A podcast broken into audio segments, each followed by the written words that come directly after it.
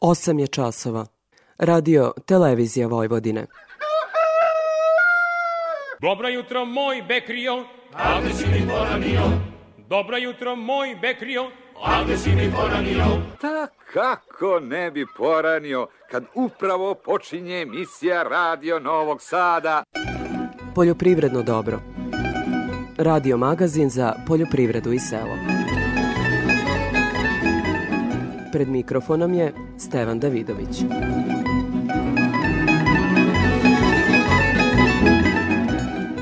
Dobro jutro. Nakon suše i kiša, vremenske prilike su napokon omogućile ratarima da obavljaju poslove na njivama. Počela je setva pšenice, pa je pred proizvođačima mnogo izazova, koje je najbolje prevazići znanjem i pravovremenim savjetima stručnjaka.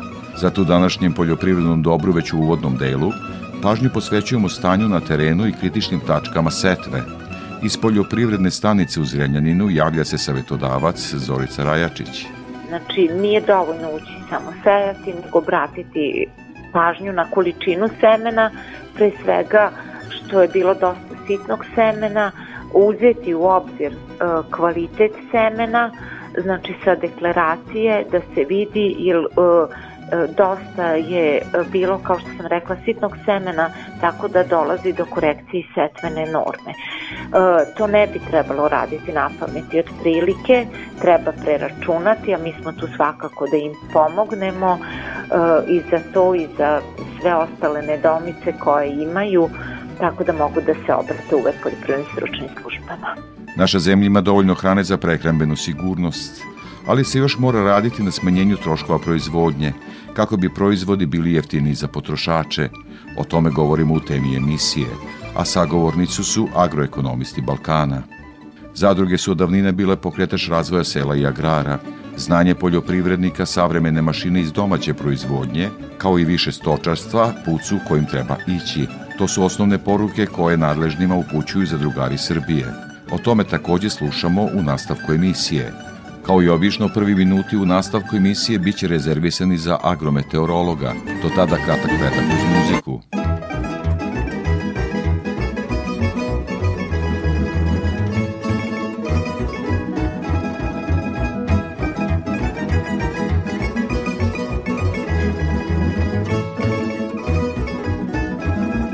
Dobro jutro moj bekrio, Ovde si mi poranio. dobro jutro moj bekrio, Ovde si mi poranio. Hej, Mario Bre, Mario Bre, Mario Bre,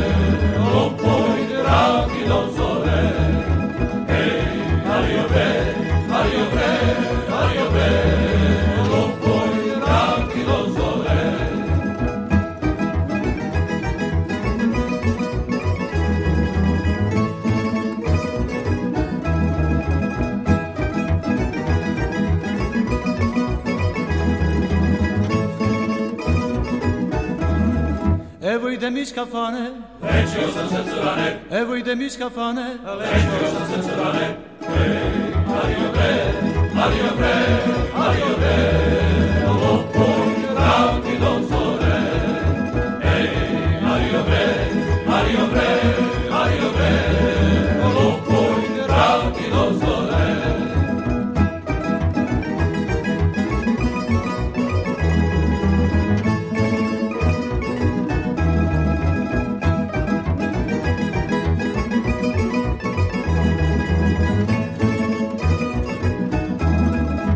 lečio sam medicinom, Rakio pivo i vino, lečio sam medicinom, rakio pivo i vino. Hej, Mario Bre, Mario Bre, Mario Bre,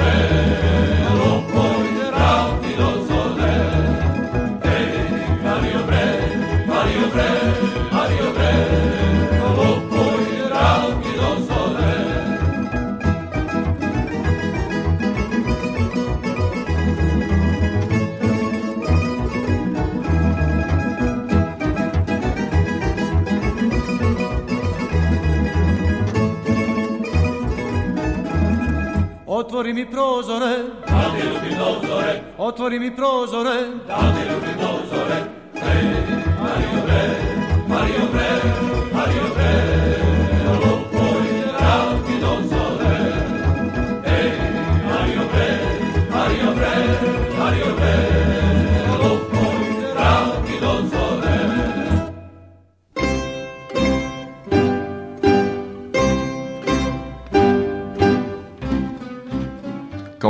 najavili u uvodu u prvim minutima poljoprivrednog dobra, sledi izveštaj agrometeorologa iz Hidrometeorološkog zavoda Srbije Ljiljane Đingalašević. Proteklih sedam dana karakterisalo je relativno toplo vreme sa slabim padavinama na istoku i jugu zemlje.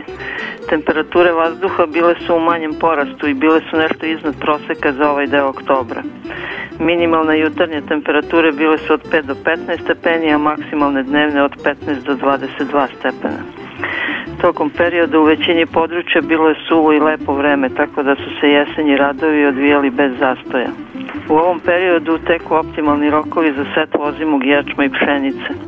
Temperature setvenog sla zemljišta i vlažnost su optimalni kao i ukupni agrometeorološki uslovi koji se očekuju i u narednih 7 dana. To će omogućiti da se predviđeni radovi na otvorenom obave u punom kapacitetu.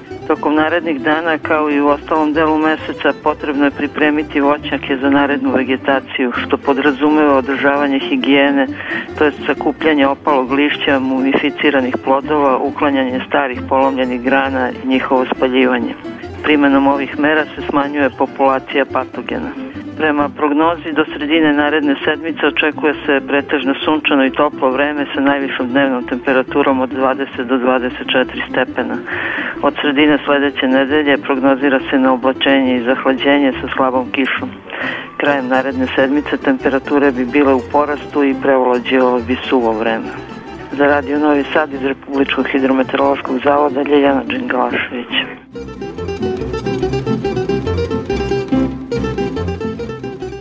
Vreme intenzivnih radova na poljima, a kakve su preporuke kada je reč o setvi pšenice i pripremi zemljišta, pričao sam sa stručnjakom poljoprivredne stanice u Zrenjaninu, Zoricom Rajačić. Zorice, prvo suša, pa kiše, šta se dešava?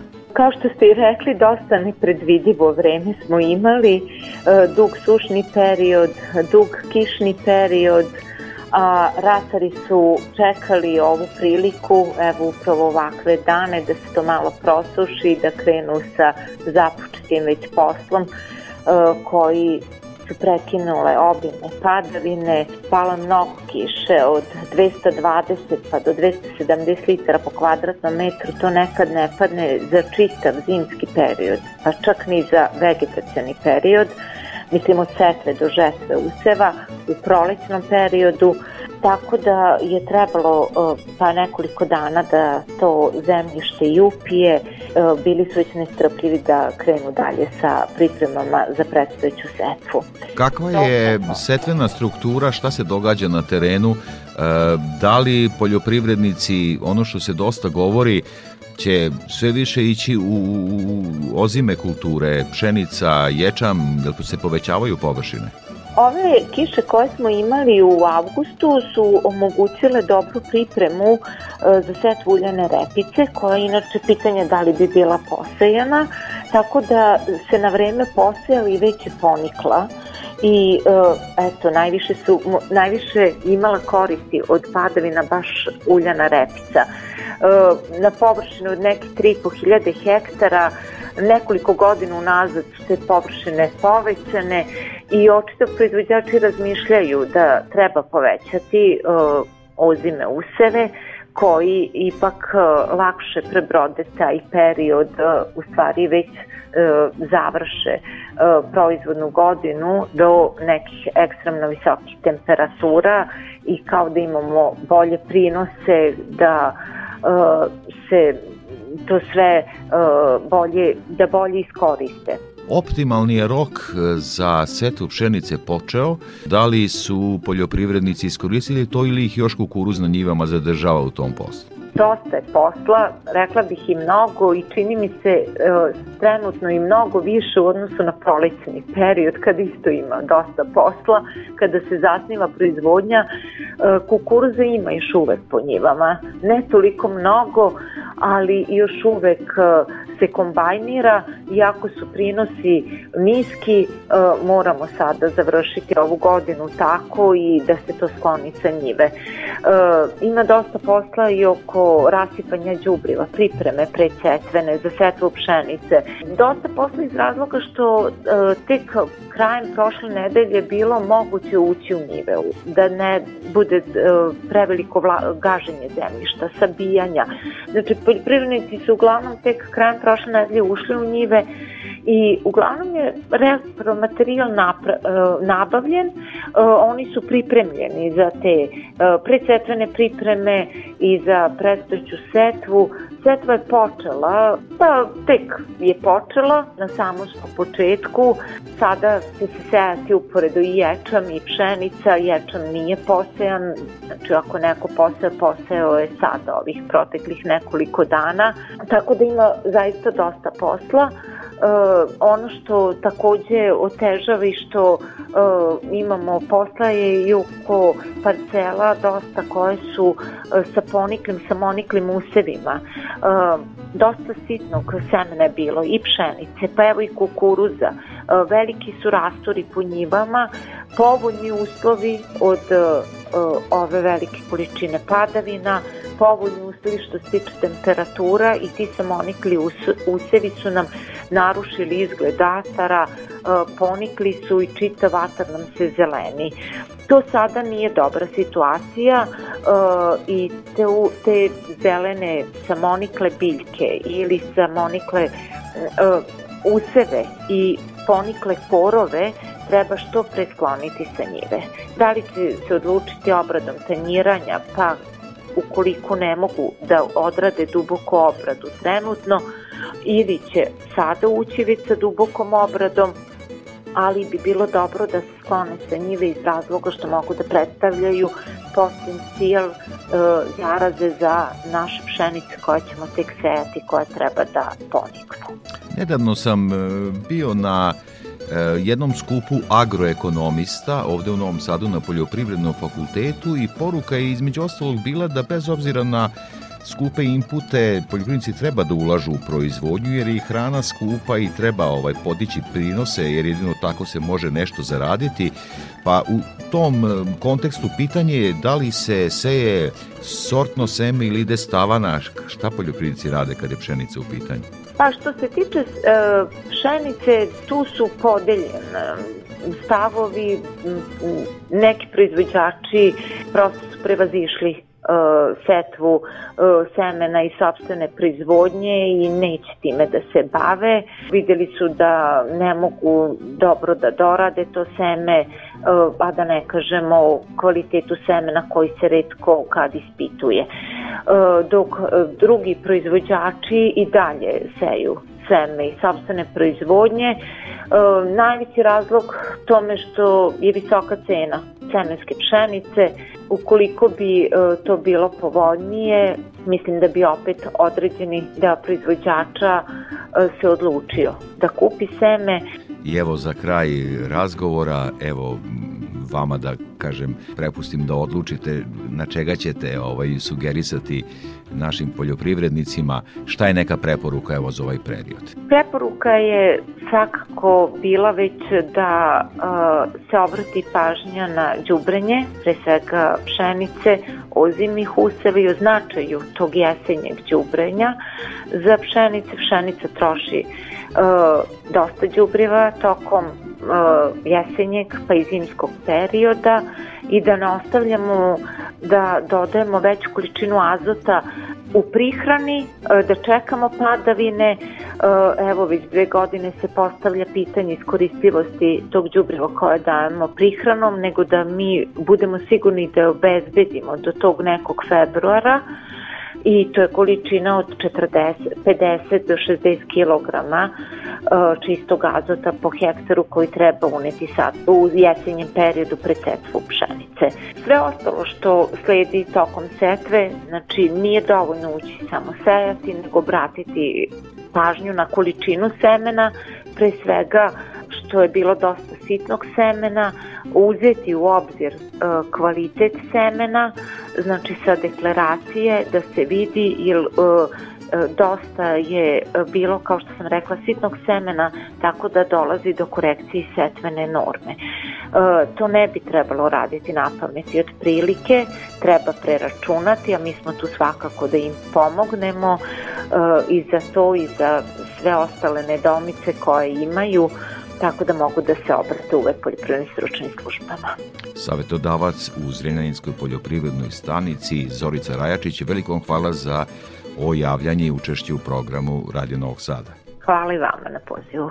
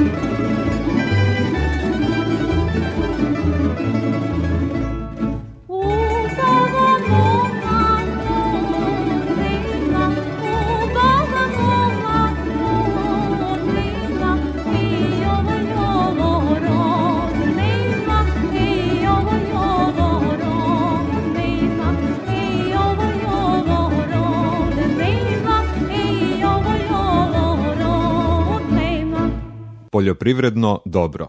Radio Novi Sad.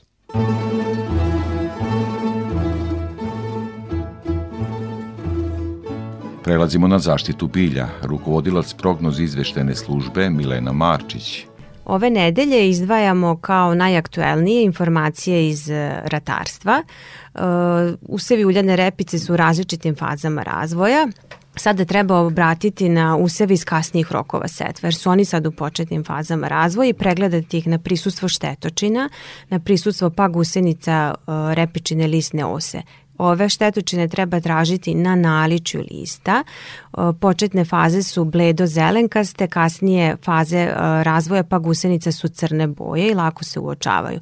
Ukoliko se utvrdi prisustvo jedne pa gusenice po metru kvadratnom, tada mi predlažemo primenu insekticida. S obzirom da imamo ovo miholjsko leto sada, koje izuzetno pogoduje razvoju štetočina, Apel proizvođačima iz kasnijih rokova sada su im ugroženi usevi da odu da pregledaju. Takođe, Utvrdili smo i prisustvo različitih vrsta gusenica uh, koje pripadaju različitim sovicama, ali i prisustvo lisnih vaši. Uh, setva pšenice nam predstoji, uh, negde je i započela, ali najveći deo se setve očekuje u narednih nedelju do dve dana. Ovo miholjsko leto pogoduje razvoju štetočina i sada treba nakon nicanja useva obratiti pažnju na prisustvo štetočina. Treba obratiti pažnju na prisustvo lisnih vaša i cikada. Zašto? Zato što su ovo vektori virusa. Ove štetočine prenose viruse koje mi nećemo videti sada ove jeseni, nego ćemo štete od infekcije tim virusima videti na proleće kada je kasno. Tako da apelujemo na sve proizvođače pšenice, prema nekim prognozama pšenice će biti posejano znatno više nego prošle godine, upravo zato što evo imamo klima nam je takva da još uvek imamo te zimske i rano prolećne padavine, uz razliku od, da kažem, leta kada sve češće imamo uh, suše, tako da su se iz tog razloga i mnogi proizvođači odlučili na setvu pšenice. Već imamo i povećane uh, površine pod uljanom repicom, što opet govori u prilog setve ozimih kultura, tako da apelujemo na proizvođače pšenice da budu vrlo bazrivi u tim početnim fazama, jer tada može doći do infekcije virusima, a tu, ta, te infekcije se u stvaraju preko vektora, lisnih vaši cikada. Mi ćemo kao sistem prognoz izveštene službe pratiti redovno stanje na parcelama, upozoravati proizvođača ukoliko budu prisutne ove štetočine, ali eto čisto da znaju nekoliko godina unazad na pojedinim lokalitetima imamo problem sa virusom patuljavosti pšenice. I često nam se proizvođači javi u maju. To, znači, simptomi su da biljke ostaju patuljave, da nemaju klase ili su ti klasovi sterilni i to je tada kasno. Mi tad više ništa ne možemo da preduzmemo. Mere se preduzimaju sada na jesen, suzbijanjem vektora da ne dođe do infekcije virusima. Iz prognoza izveštene službe za zaštitu bilja Milena Marčića.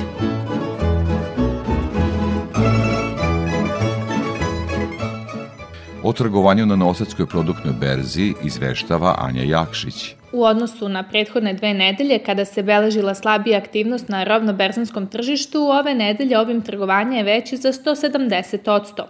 Tržište žitarica beleži pozitivne cenovne trendove, dok je cena soje stabilna.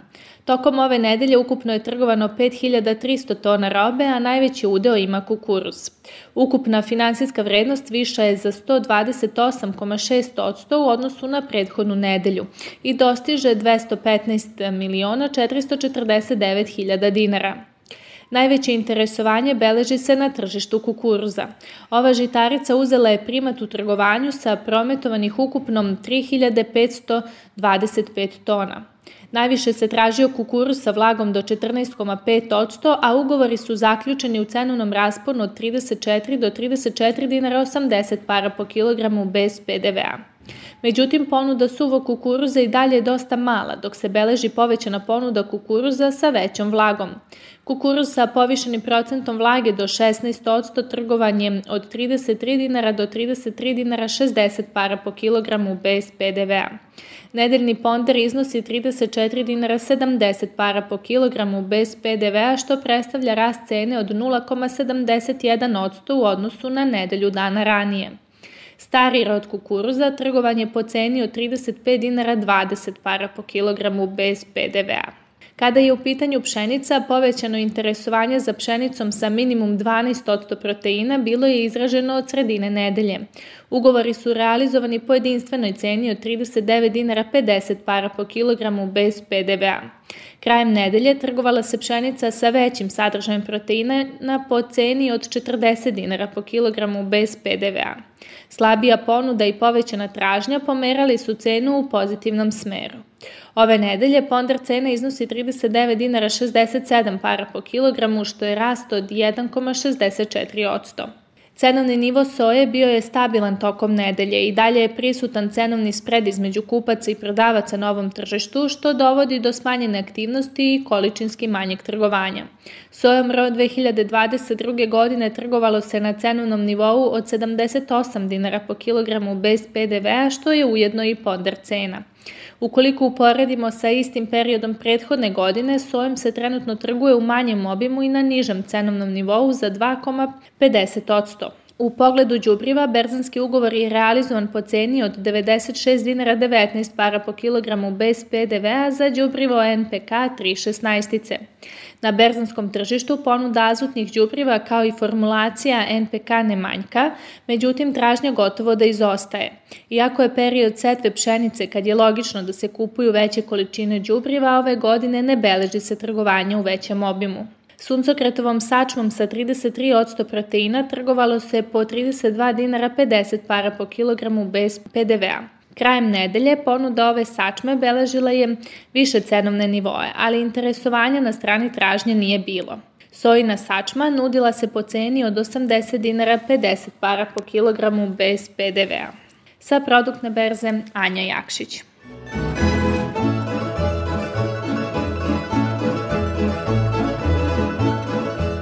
Kao i svake nedelje pratimo izvešte o cenama sa tržišta žive stoke.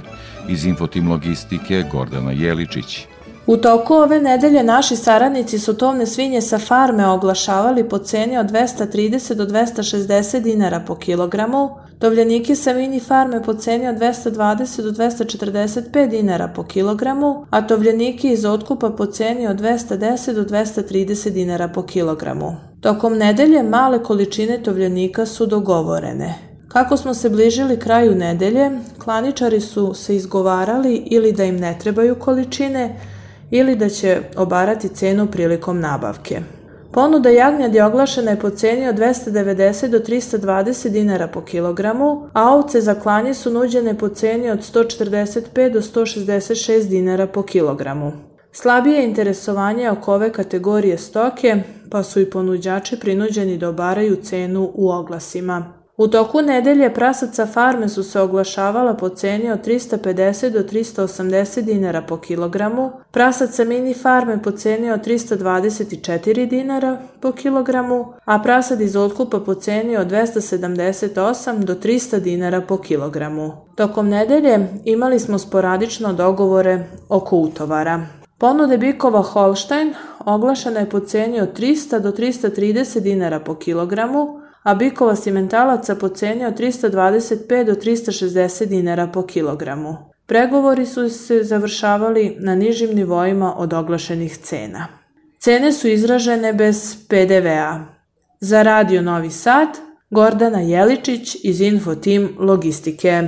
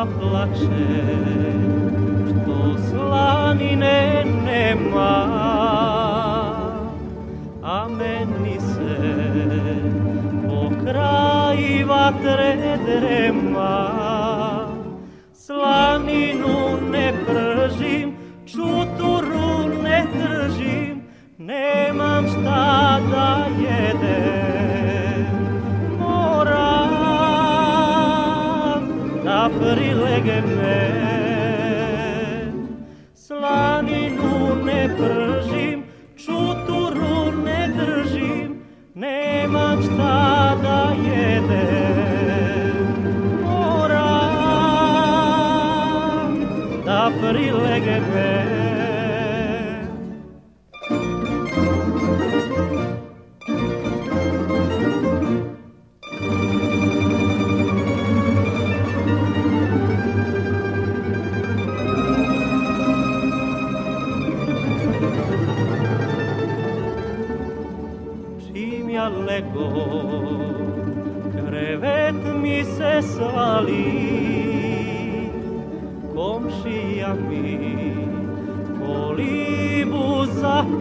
zapali Koliba se puši, dim da me uguši Nemam gde da legne Mora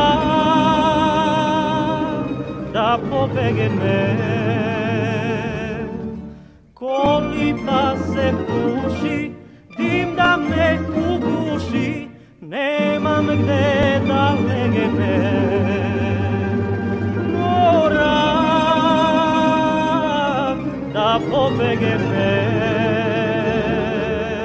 Poljoprivredno dobro. Radio Novi Sad.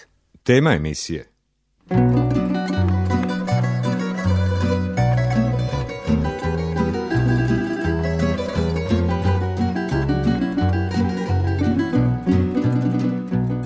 Perspektiva agroekonomske profesije u aktualnoj situaciji sve skuplje hrane bila je nedavno tema skupa agroekonomista Balkana održanog na Novosadskom poljoprivrednom fakultetu. O tome govorimo u temi emisije. Deka Nedeljko Tica kaže da je nauka pred velikim izazovom, jer treba obezbediti prehrambenu sigurnost i jeftin proizvod, što nije lag zadatak.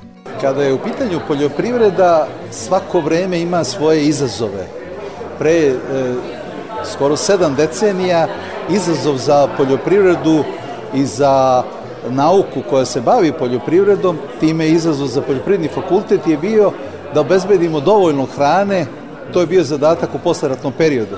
Sada se suočavao sa istim takvim zadatkom u potpuno novim uslovima za, na koje ne možemo da utičemo, e, čak i u uslovima u kojima smo smatrali da je došlo vreme da poljoprivreda ima manji značaj u društvenom proizvodu, manji značaj u našim životima jer smo toliko dostigli nivo razvoja poljoprivrede da naprosto moramo dati prednost drugim, drugim oblastima. Međutim, ovo vreme je pokazalo potpuno neočekivano, a za nas to nije neočekivano, da poljoprivreda ostaje vrlo važna delatnost u onom segmentu kojem treba da obezbedi prehrambenu sigurnost, a s druge strane, kada je u pitanju poljoprivredna nauka, stvoren je jedan novi izazov, a to je da tu prehrambenu sigurnost obezbedimo sa što je god moguće manjim troškovima. Odnosno da obezbedimo da hrana bude pristupačna, da ima u dovoljnim količinama i da bude jeftina. Ovaj poslednji uslov nismo uspeli da obezbedimo i to je jedna od centralnih tema današnjih susreta, današnjih susreta agroekonomista, zato što zbog porasta cena energije, porasta cena repromaterijala, moramo konstatovati da hrana ima dovoljno, ali da ona je dosta skupa i mogli, trebalo bi da bude dosta jeftinija, imajući u vidu uspehe koje je poljoprivredna nauka postigla i koje su postigli naši proizvođači ostvarajući visoke prinose.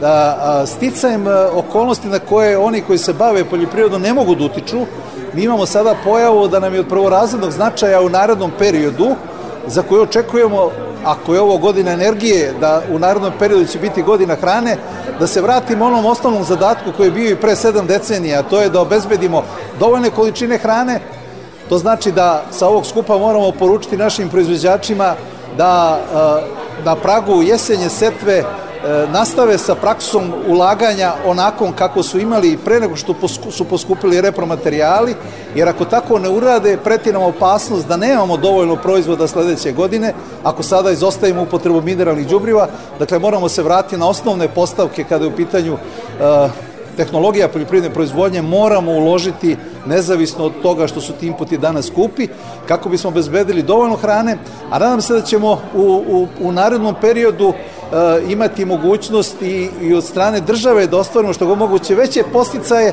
kako bi naši proizvođači uspeli da tu proizvodnju ostvare sa što je god moguće manjim troškovima i da na kraju imamo i hranu koja nije toliko skupa za neposrednu upotrebu od strane celokupnog stanovništva. U razgovoru sa kolegama iz Makedonije saznao sam da tamo pada broj upisanih studenta agroekonomista. Kod nas u Novom Sadu situacija je drugačija. Da. Kako komentarišete?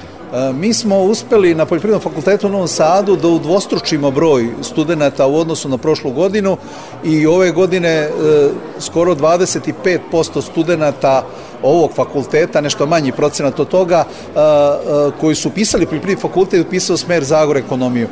Mislim da smo uspeli jednom intenzivnom reklamnom kampanjom, približavanjem mladima prednosti koje nudi agroekonomija kao nastavni smer u smislu što na jedan e, vrlo interesantan način povezuje osnovna saznanja iz poljoprivrede sa saznanjima iz ekonomije i mislim da je to jedan od razloga zašto smo uspeli ne da zaustavimo pad, nego smo uspeli kada je u pitanju agroekonomski smer da taj broj studenta povećamo. E, mi svakako smo dugoročno suočeni sa padom broja zainteresovanosti mladih za studiranje, a time i za studije na poljoprivrednom fakultetu, jer e, ova generacija e, koja se sada upisivala, ona je rođena u godini u kojoj je Srbiji bilo rođeno 82.000 dece, a prošle godine u Srbiji je rođeno 62.000 dece. Znači mi dugoročno moramo očekivati pad pad e, zainteresovanih osoba, zainteresovanih lica za studije, ali ćemo se kao fakultet truditi da taj pad bude najmanji ili da bude bez pada kada je u pitanju ovaj fakultet. Veliko hvala. Hvala i vam. U regionu, kao i u ostalom u cijelom svetu, hrana postaje sve skuplja, pa se u proizvodnji i potrošnji mora voditi računa o svakom dinaru. To nam je potvrdila i Aleksandra Martinovska-Stojčeska sa Poljoprivrednog fakulteta u Skoplju. Da krenemo od kalkulacija. Dakle, sve teže godine u agraru, mora se paziti na svaki dinar i klima je se izmenila i tako dalje. Uloga agroekonomije u današnjoj poljoprivredi. Pa mislim da uloga agroekonomista u današnjem poljoprivredu je a, počinje da bude sve bitnija, jer svi shvataju koliko je hrana bitna. To je počelo sa covidom, a sada sa ovom konfliktom u Ukrajinu i u Rusiju, onda shvatilo se da ne može bez hrane a hrana košta.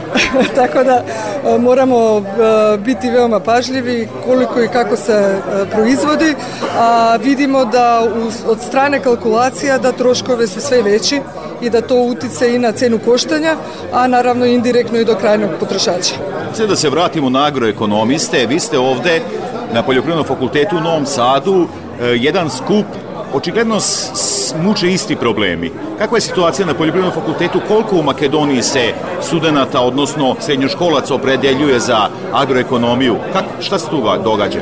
A, nažalost vidimo u poslednjih godinama jedan trend da poljoprivreda uopšte nije već tako interesantna za studenta. A, agroekonomija održava neku cifru od a, desetak studenta na poljoprivrednom fakultetu u Skoplju. Tako da imamo jednu stabilnu cifru na agroekonomiku na prvom ciklusu, isto tako imamo i drugi ciklus i doktorske studije na agroekonomiku kod nas.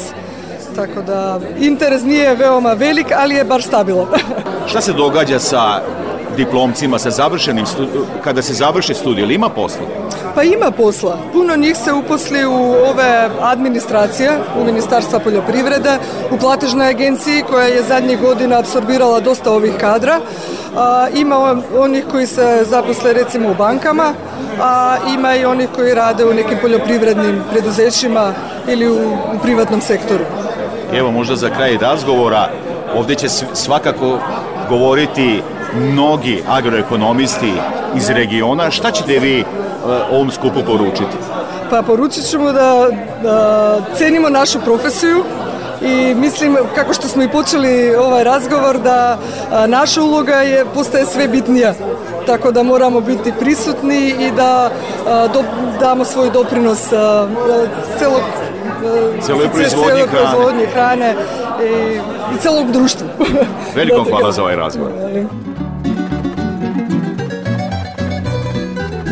Da se agroekonomisti dobro uklapaju poslovne potrebe kompanija koje se bave agrarom, saznali smo od Aleksandra Ostojića sa Poljoprivrednog fakulteta u Banja Luci. Agroekonomija, tema sve skuplja proizvodnja, neophodnost nove mehanizacije, visoke tehnologije, obrazovan poljoprivrednik. Jeste. Šta se tu događa? Jeste, pa tema upravo današnjeg skupa je na ovo što ste vi spomenuli da se sagledaju svi aspekti poljoprivredne proizvodnje i same uh, uh, agroekonomije kao nauke koja doprinosi razvoju i unapređenju konkurentnosti poljoprivrednog sektora i položaju uh, poljoprivrede i mi ćemo danas upravo govoriti na temu obrazovanja mladih ljudi za sektor agrarne ekonomije, problemima u, u, kod upisa na fakultete, usklađivanju nastavnih planova i programa katedri ili fakulteta koji imaju katedre na prostorima bivše Jugoslavije. Šta se događa sa studentima nakon studija, odnosno e, diplomcima? E, jel nađu posao i koliko se pokažu u praksi na osnovu svega ono o čemu smo razgovarali? Dosta je šarolika situacija i postoji, e, iskreno govoreći, dosta problema sa, sa poslom, bar kada govorimo o Bosni i Hercegovini, odnosno Republici Srpskoj ali e, nalaze posao i moje mišljenje i ono što e, ja imam iskustvo sa firmama koje traže ovaj e, svršene, svršene studente da se poprilično dobro e, studenti e, studijskih programa agrarne ekonomije uklapaju jer imaju poprilično širok e, spektar znanja u, u oblasti poljoprivrede. Kada je reč o upisu, evo za kraj, u odnosu na ostale smerove, gde kotira agroekonomija? Agroekonomija inače kotira među, bar Banja Luke što se tiče, uh, među uh, dva do tri studijska programa koje upisuju, upisuju naj, najviše ovaj, studenta, ali generalno ove godine imamo trend, ne ove, ali unazad dvije, tri godine imamo trend, trend pada. I možda smo ove godine izgubili taj, tu nekakvu našu poziciju koju smo imali do sada. Ja se nadam da će se to vratiti kao sam agroekonomista, jer vidim da poljoprivreda postaje sve više nauka zaista i u onom ekonomskom smislu, ne samo u agrarnom, tako da verujem da tu postoji velika budućnost. I ja mislim da, da je bar ovih, ovim prostorima bivše Jugoslavije poljoprivreda eh, jedan bitan segment, segment društva, a vrijeme nam pokazuje da je proizvodnja hrane izuzetno, izuzetno eh, bitna za stanovništvo ovih prostora. Velikom hvala za razgovor. Hvala vama. Toliko u temi emisije u kojoj smo govorili o skupu agroekonomista Balkana. Sledi muzika pa u uvodu najavljeni zapisi.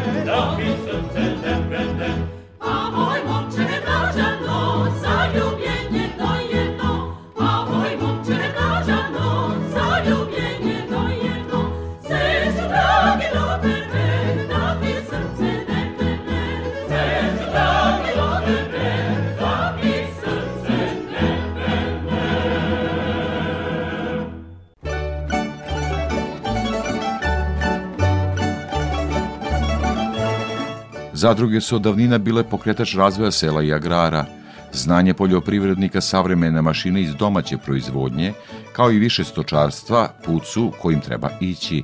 To su osnovne poruke koje je nadležnima uputio predsjednik Zadružnog saveza Srbije Nikola Mihajlović, sa kojim sam nedavno razgovarao. Nikola, kakva je mehanizacija kod zadruga u Srbiji? Na sreću imamo tendenciju što kaže da se zamenjuju stara mehanizacija sa novom. A, hajde da kažemo neku poruku koju stalno Zadružni savez šalje, to je znanje, a u to znanje ubrajamo i mehanizaciju, znači praćenje novih tehnologija, precizna poljoprivreda, da bi bila precizna poljoprivreda treba zanoviti mehanizaciju i uvek smo tog stava da je bolje kupiti jednu krupnu i dobru i kvalitetnu mehanizaciju organizovanu preko zadruga.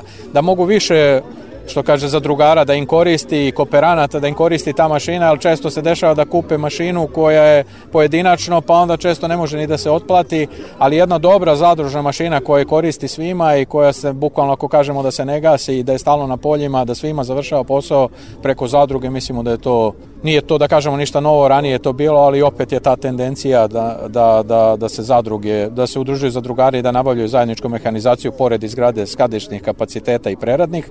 Znači u tom zdanju na prvom mestu, znači to su tehnologije, na drugom mestu su zadruge, udruživanje u zadruge i na trećem mestu, to moram da istaknem uvek i na svakom mestu, to je stočarska proizvodnja.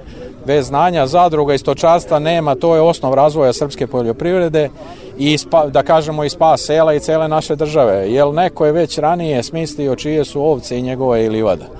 To je poslovica nekad, tako da bez ovaca i goveda teško može, znači značajna i mehanizacija i primarna proizvodnja i ratarska proizvodnja, ali tu treba da bude istočarstvo koje će sve to da konzumira, da mi to pokasnije upakujemo i da izvezemo. To je to neka procedura, a naravno da je to sve lakše kroz udružene poljoprivrednike, da kažemo severna Srbija ili Vojvodina, da su malo veće parcele, da je prosek iznad 10 hektara ili možda čak sad i više. Svuda je neophodno udruživanje, malo krupnija mehanizacija, takođe i u centralnom delu, tako da sve ukupno znanje, još jednom ponoviti znanje, udruživanje u zadruge i stočarska proizvodnja po nama u zadružnom sektoru, to je ključ uspeha. Koliki je problem e, nafta, energenti u, u ovom vremenu, razumevanje države u tom smislu? Kakva je vaša poruka, procena, ocena? E, što se tiče sada trenutno, znači, e, iz, e, uglavnom predlozi sa terena su da, da treba dati određene, što kaže, subvencije što se tiče energenata, pogotovo sad se približamo setvi,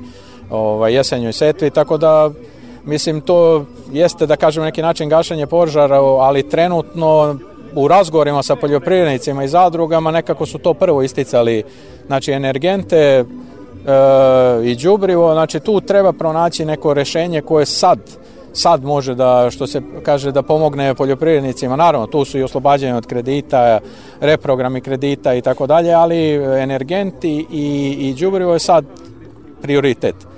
A očekujemo i da se vlada sastavi ministarstvo da se napravi neka sistemska, sistemska rešenja za, dal, za dalje delovanje. Mi smo opet, ponavljam to, zadruge i stočarstvo, mislim da u tom pravcu treba kreirati agrarnu politiku, ali eto sad je prioritet znači gorivo i đubrivo da se u tu da se tu pronađe prioritetno rešenje. Evo sad već kada smo kod zadruga u njihovoj ulozi u, u razvoju sela, agrara, novih tehnologija, vidimo ovde i pre, preciznu tehnologiju. Koliko su zadruge nosač ovih preciznih i novih tehnologija uopšte u Srbiji i u našem agraru? Pa da kažemo u nekom prethodnom periodu zadruge su bile ključni nosioci, u stvari u selu su postojale zadruge koje su bili nosioci tih transfera znanja, tehnologija, Mislim i tad je bila možda nazovemo precizna, sad termini su se, mislim sve se to u principu radi, samo se termini neki drugi koriste. E, posle toga u nekom tom međuprostoru ovoj tranziciji zadruge su izgubile malo bitku ovaj, pored privatnog sektora. Pretežno su e, preciznu poljoprivredu primenili e, ljudi koji su iz krupnog biznisa krenuli u poljoprivredu. I da kažemo, e, i to je, da kažemo, neki način dobro da bi mogli da vidimo, jer kod nas je najbitnije da ljudi vide kod komšije kako to funkcioniše, da bi kasnije oni primenili, ali opet, bez, opet se vraćamo bez zadruga, bez udruženja, bez, bez tu da bi se u zadruzi da bi se vršio taj transfer znanja i tehnologije, to je neophodno. Svaka čast krupnom biznisu koji je uložio u poljoprivredu, ali na prvom mestu je poljoprivrednik, Power, kako ga zovete, udružen u zadrugu, on je prioritet i prioritet je oni koji žive od poljoprivrede. Lako je nama, da pođemo koji imamo zaradu na nekoj drugoj strani, ali subvencije i poljoprivrednik udružen u zadrugu, to je prioritet. Bitna stvar ovde je, pretpostavljam, i saradnja sa dobavljačima, Kite deo ovo je ovde predstavlja deo svog programa i tako dalje. E, Kreditne linije, razumevanje dobavljača u nabavci mehanizacije, koliko je to bitno i šta se tu događa? E, Što se tiče mehanizacije, da kažemo stvarno neophodno je, znači i zamena je mehanizacija, ali mogu da kažem jedan dobar primer, na primjer u pitanju je grad Vranje. Oni su išli ispred njihove stručne poljoprivredne službe, stručne službe iz grada i poljoprivredne stručne službe i anketirali su svoje poljoprivrednike. I sad oni su rekli što je dobra mera da njima više znači da im da, da se da opština ili grad Vranje odvoji novac da, da se uradi remont postojećih traktora nego da im daju pare subvencije. Tako da su oni više traktora obnovili gde su uradili generalne ovaj, remontovali svoje postojeće traktore koji su odgovarajući za te površine. Tako da u suštini ispred ja, ispred Zadružnog saveza Srbije jeste da mi dosta uvozi se mehanizacije, ali ja to volim da istaknem da je to tuđa pamet. Mi treba malo da se oslonimo na svoju, znači imali smo neka te fab- fabrike da sad ne kukamo da se vraćamo, ali naši stručnjaci su ovladali tom tehnologijom, dali IMT, Zmaj, evo sad na sreću kreće i, i proizvodnja našeg traktora ovde u Bačkoj Palanci, mislim da je ovaj da će Majevica krenuti, da je već izašao, da je to promovisano, opet malo koristimo strane, strane iskustva, ali naši domaći majstori pamet, ja sam pristalica, znači sve u principu sad kad nemamo, može ali, domaće, domaće. ali nisam pristalica, na primjer, da kažemo, ovaj, sad pristalica, nisam pristalica da se sve pare stavljaju u tu mehanizaciju, znači opet kad kažemo ako se sve pare daju i mehanizacija, mehanizacija sve uz uvoza, bolje nekako na našem tržištu da pokušamo da nešto uradimo da se te pare zavrte, da ostanu na našem, na našem terenu. Možda je tu sad i fabrika đubrive i neka fabrika koja proizvodi mehanizaciju. Znači to su sad sve neke otvorene ideje koje što kaže više ljudi dobrih namera bi trebalo da, da sedne za sto i da to osmisle kao jednu ideju za naredni period. Nikola Mihajlović, Predsednik Zadružnog saveza Srbije. Veliko hvala za razgovor.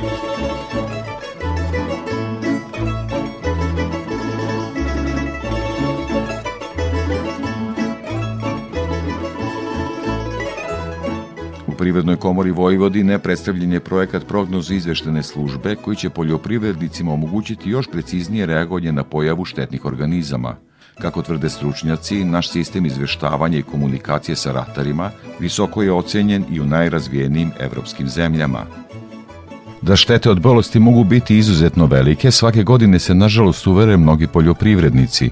Zato od 2010. godine sa fotografijama štetih organizama i preporukama, prognozu izvještene službe za zaštitu bilja svakodnevno upozorava proizvođače. U proteklom periodu znatno se izmenila digitalna tehnologija, pa se kroz projekat krenulo u osavremenjavanje instrumenta i softvera. To su uvideli nadležni, ocenjuje direktor Nocatske poljoprivredne stanice Vladimir Mihić. Pre svega želim da se zahvalim nadležnim resorima, ministarstvu, odnosno pokrajinskom sekretarijatu. Najvećim dijelom je ministarstvo učestvovalo u finansiranju ovog projekta, zatim pokrajinski sekretarijat i na kraju i poljoprivredna stručna služba iz Novog Sada, prepoznajući težinu, s- takođe je učestvovala sa svojim sredstvima. Drago mi je što su svi prepoznali važnost e, PIS sistema Mnogi u najrazvijenijim zemljama iznenađeni su rezultatima, objašnjava Branislava Lalić sa Poljoprivrednog fakulteta. I mogu vam sa zadovoljstvom reći da na nedavnom skupu u Bonu na kome sam bila, a, zaista su hvatili beleške kada sam govorila o tome na koji način a, naš PIS a, razmenjuje informacije, da kažem sa ljudima sa terena i na koji način te informacije stižu do proizvođača. Veruj mi, te mi to nije uobičajeno. Ja sam bila jako ponosna što dolazim iz zemlje u kojoj se to radi na takav način. Naredne godine se očekuje novi portal prognozu izveštene službe, a treba podsjetiti da ta služba sa poljoprivrednicima komunicira i preko društvenih mreža, YouTube-a kao i SMS porukama.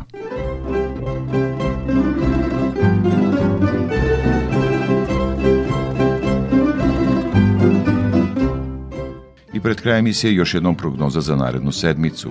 Iz Hidrometeorološkog zavoda Srbije Ljiljana Đingalašević. Prema prognozi do sredine naredne sedmice očekuje se pretežno sunčano i toplo vreme sa najvišom dnevnom temperaturom od 20 do 24 stepena. Od sredine sledeće nedelje prognozira se na oblačenje i zahlađenje sa slabom kišom. Krajem naredne sedmice temperature bi bile u porastu i preovlađivalo bi suvo vreme.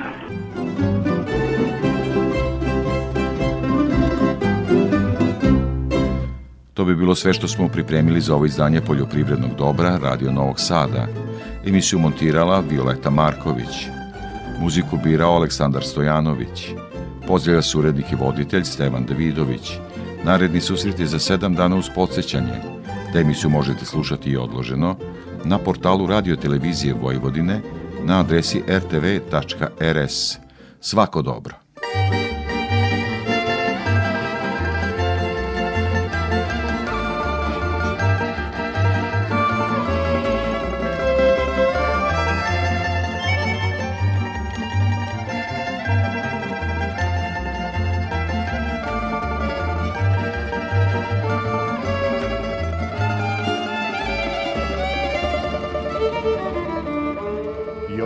Uvek među lipama, još uvek tebe tražim ja. Korak me svaki okrene, želim da vidim te. Noći mi kroz dane prolaze, ja stalno sanjam puteve, oni me nose daleko od tebe. Negde duboko u meni ti traješ svake jeseni, miris lipa vraća me, vraća me ka tebi. Negde duboko u meni ti traješ svake jeseni, miris lipa vraća me, vraća me ka tebi.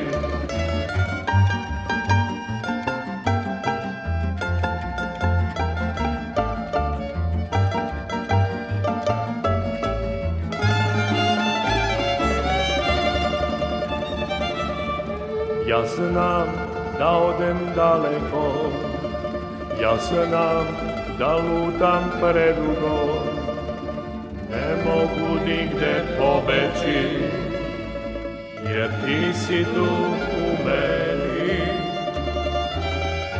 Noći mi kroz dane prolaze, ja stalno sanjam puteve, oni me nose daleko od tebe. Negde duboko u meni ti traješ svake jeseni, miris lipa vraća me, vraća me ka tebi.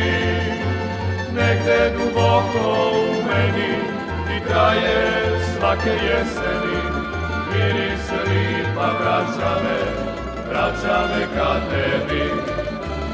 la la la la la la la la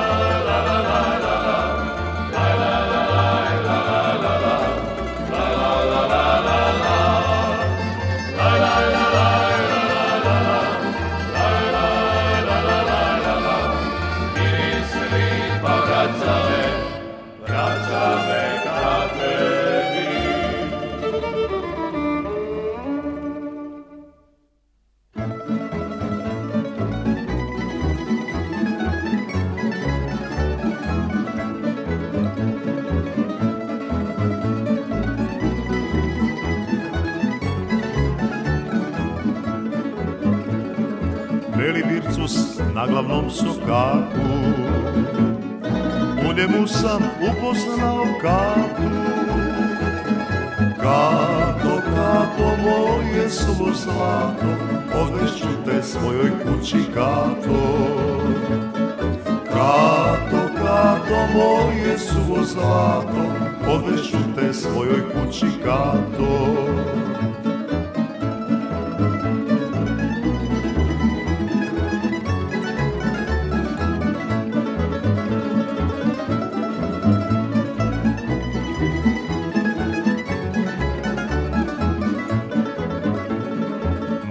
Dućan na glavnom sokaku.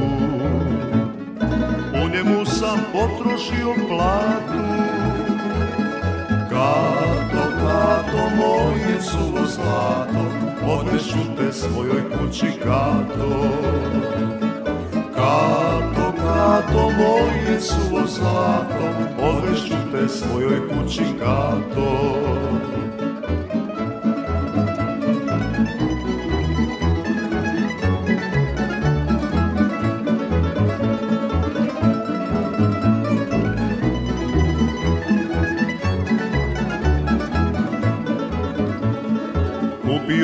suknicu od svile. Ta lepša je i od bele vile. Kato, kato, moje suvo zlato Odvešću te svojoj kući, kato. Kato, kato, moje suvo zlato Odvešću te svojoj kući, kato. Sad se kerim po novome sadu